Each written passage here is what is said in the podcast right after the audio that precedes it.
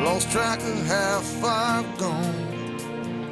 How far I've gone, how high I've climbed. For mig var det i høj grad jo øh, symbolet på, hvad tragedier også kan betyde, nemlig et nyt syn på tingene. Og for mig var det faktisk som om, at min gamle held sendte mig en hilsen i anledning af min søns fødsel via The Rising, og det synes jeg alt talt, han skal have stor tak for.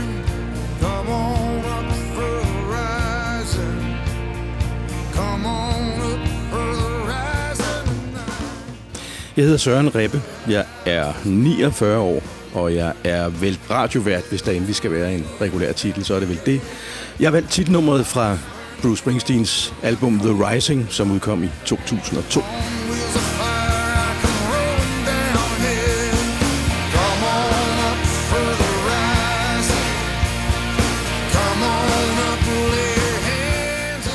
Nummeret minder mig først og fremmest om det faktum, at det udkom stort set på dagen, hvor jeg fik mit første barn.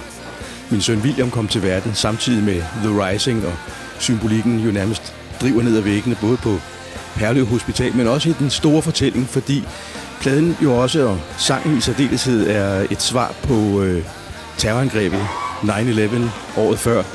Det er Springsteens øh, svar på hele den der øh, globale forandring, kan man sige. Så sangen er for mig jo på det private plan enestående. Samtidig så øh, minder den mig også om den dag, kan man næsten sige, hvor verden ændrede sig, altså året før.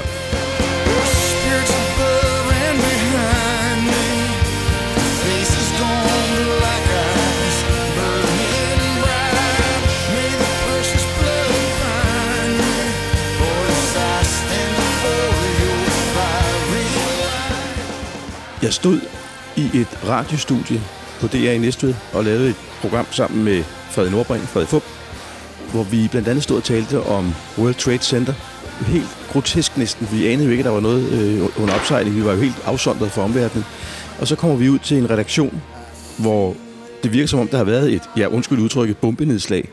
Folk er fuldstændig forstenet, sidder og glor. Og vi kommer ud til en verden i brand. Vi gik i studiet, hvor alt var godt. Øh, så, så det var mit minde, og det er det forhold, jeg har øh, til det, og, og det blander sig jo så med mit privatliv, og det er jo sådan, den her verden er, ikke? Det er de store og de små ting, der binder det hele sammen.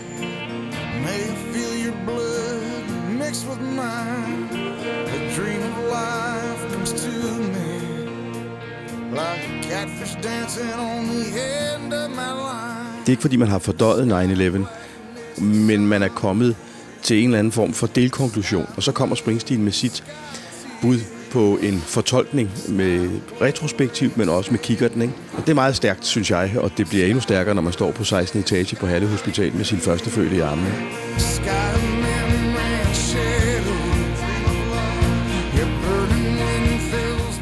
Han sætter jo ord og toner på de meget, meget enkle, helt sådan grundfølelser, der ligger i os som mennesker. Når en mand bliver far, det er jo ikke noget, jeg har opfundet, de følelser, der kommer. De kommer helt automatisk. Du behøver ikke have læst en bog eller på anden måde gør dig umage. De kommer helt automatisk, for du er kodet med det. Hvis du oven i købet kan få så begavet en kunstner til, uden at du har bedt ham om det, alligevel at sætte ord på præcis sådan, som det føles, jamen så går det jo op i en højere enhed.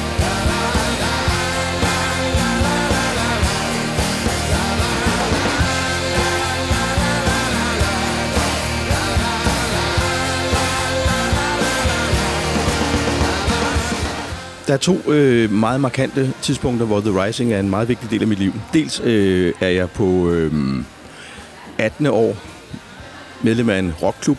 Vi er tre. Der kommer aldrig flere med. Vi har lukket for tilmeldinger. Vi mødes tre gange om året. Vi har 10 plader med hver under armen. 10 sange hver, som vi spiller for hinanden under indflydelse af bajersk øl og hakket okse. Og så vi har også aftalt, at hvis vi skal optage nye medlemmer, så skal det være i direkte linje. Og det betyder, at indtil nu er jeg den eneste med børn. Så hvis min søn for eksempel på et tidspunkt har lyst til at træde ind i klubben, så skal han være velkommen. Da han blev født, var klubben et år gammel. Vi var hjemme hos mig. Jeg satte et billede af ham op, da han var en dag gammel, og sagde, nu skal vi lige inden vi starter høre The Rising, for at juble over, at klubben har fået en arving. Så hører vi The Rising, og det har vi gjort lige siden. Vi starter aldrig en rockklub aften uden først at høre The Rising. Og når den er færdig, så siger vi i mund på hinanden, med et godt nummer. og så spiller vi. Nytårsaften, så går vi ind og skåler kl. 12, og det er nogle af de samme venner, der er med, og forskellige andre, vi holder den på samme måde. Nytårsaften, klokken slår 12, skål, vi synger den sædvanlige Kong Christian, så går vi ind, trykker på knappen, og så kan du gætte, hvilken sang, der bliver spillet som den første i det nye år. Come on up for the rising. Hvert år. Dancing in a sky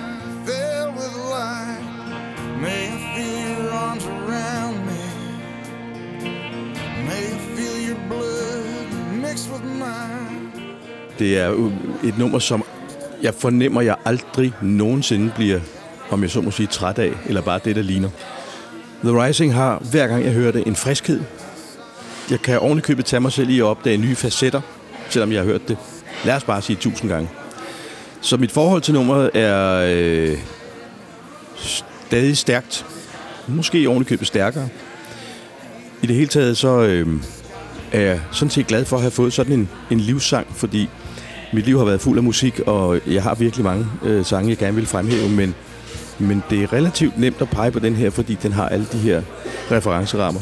Og derfor er jeg også glad for, at den ikke lyder bedaget i 2018, men snarere vokser. Jeg har hørt den sammen med min søn. Han ved godt, hvad det, hvad det drejer sig om, og vi har, vi har også her Comes the Sun, hvor vi laver ud om til et O, og Beautiful Boy, som John Lennon skrev til sin søn Sean. Men det er jo det er også sådan nogle symbolsange. Den her sang er jo dybt set ikke en symbolsang, men der er bare lige den lille finesse, at pladen deler udgivelsesdato med hans fødselsdato. Og den symbolik er næsten ikke til at tage fejl af. Det var med vilje, og tak til The Boss.